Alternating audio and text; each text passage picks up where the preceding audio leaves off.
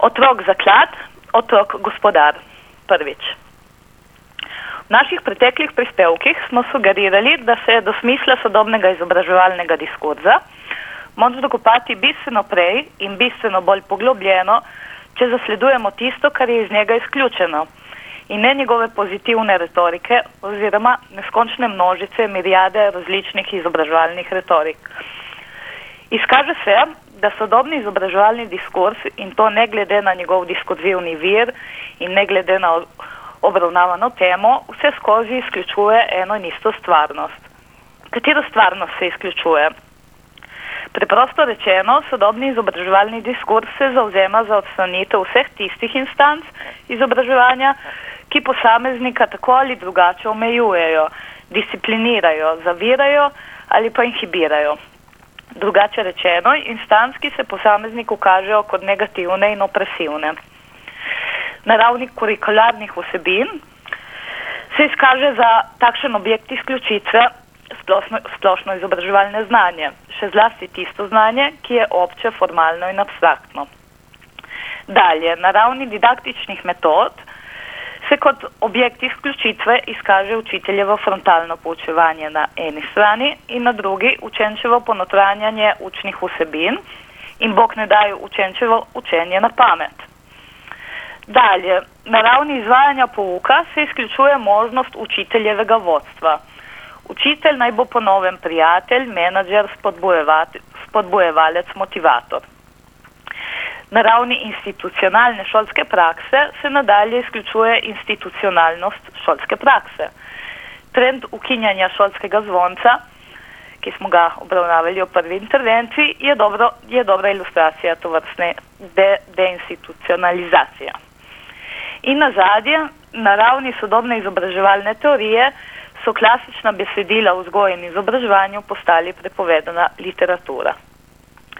Če povzamemo, kaj nam sporočajo te izključitve, kaj lahko na podlagi slednjih sklepamo o pozitivnih koncepcijah znanja, izobraževanja in učenja. Po našem mnenju nam ravno te izključitve omogočajo bistvo sodobne družbene, eh, dostop do, eh, do bistva sodobne družbene ideologije. Ideologije svobodnega in spontano kreativnega sredstva.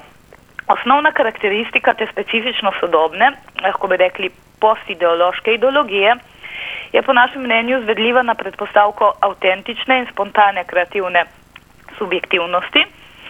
Subjektivnosti zmožnosti pa naj bo ta dojeta kot genetska ali celo nevronska entiteta, kot malče, kot rok, kot rasli, kot organizacija, kot podjetje ali kot družba nasploh. Ni pomembno.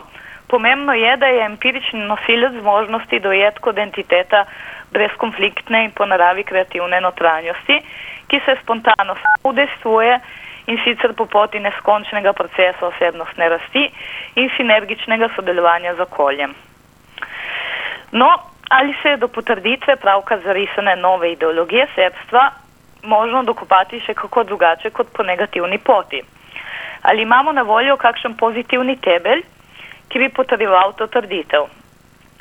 Smatramo, da ja in da je takšen pozitivni temelj danes utelešen v otroku. Sodobna družba je družba poveličevanja in čaščenja otrokove neskaljene subjektivnosti in neskončne ustvarjalnosti.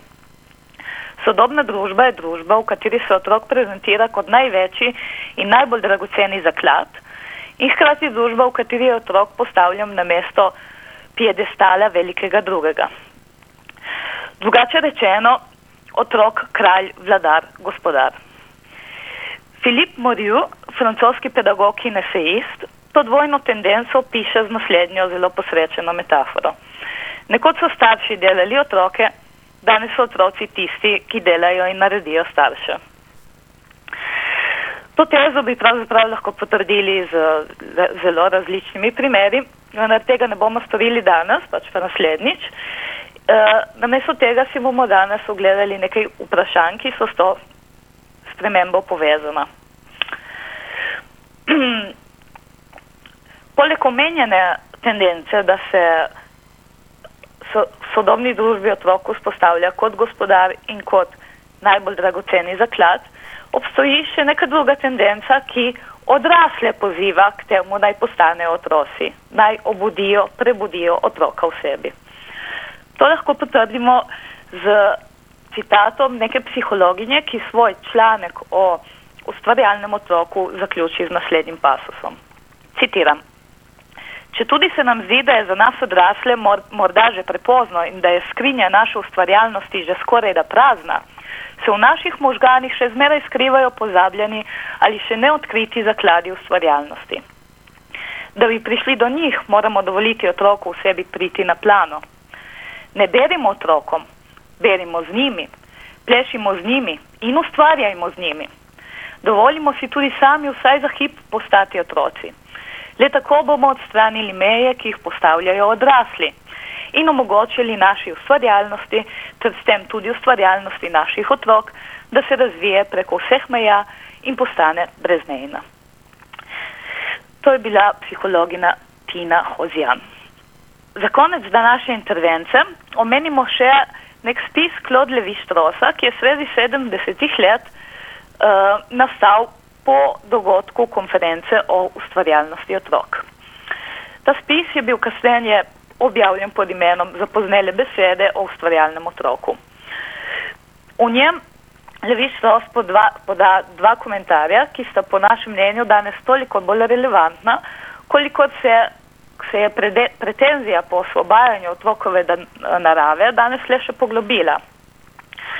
No, prvi komentar se nanaša na predpostavke tedanjih pedagogov, ki so tako rekoč identične kot današnje. Levištvo spravi naslednje. Zares smo veliko krat imeli občutek, da so drugi udeleženci, tedajni pedagogi in nekateri deli občinstva odkrito ali prikrito spodbijali tradicionalno poslanstvo šole. Kako da bi hoteti, da se otrok uči, bilo hkrati jalovo podjetje in napad na njegovo svobodo.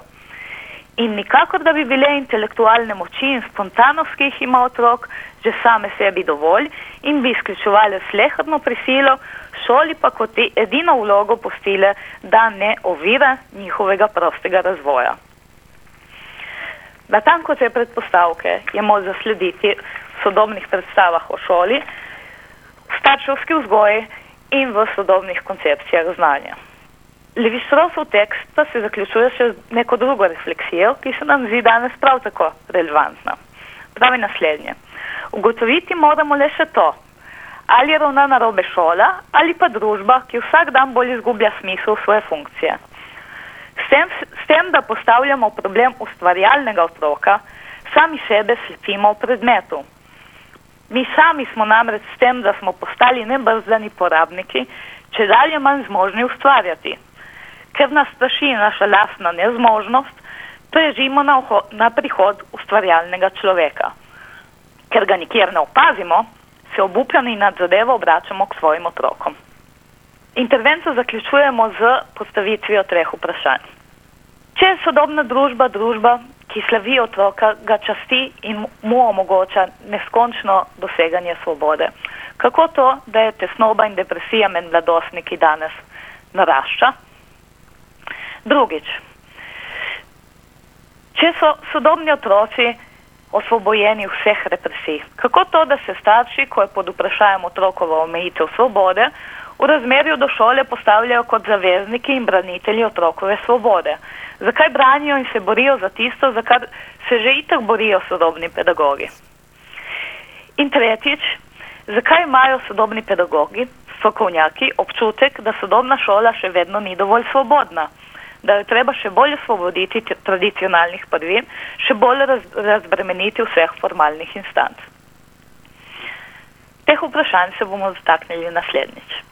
Intervenciju sam pripravila Ana Jovanović.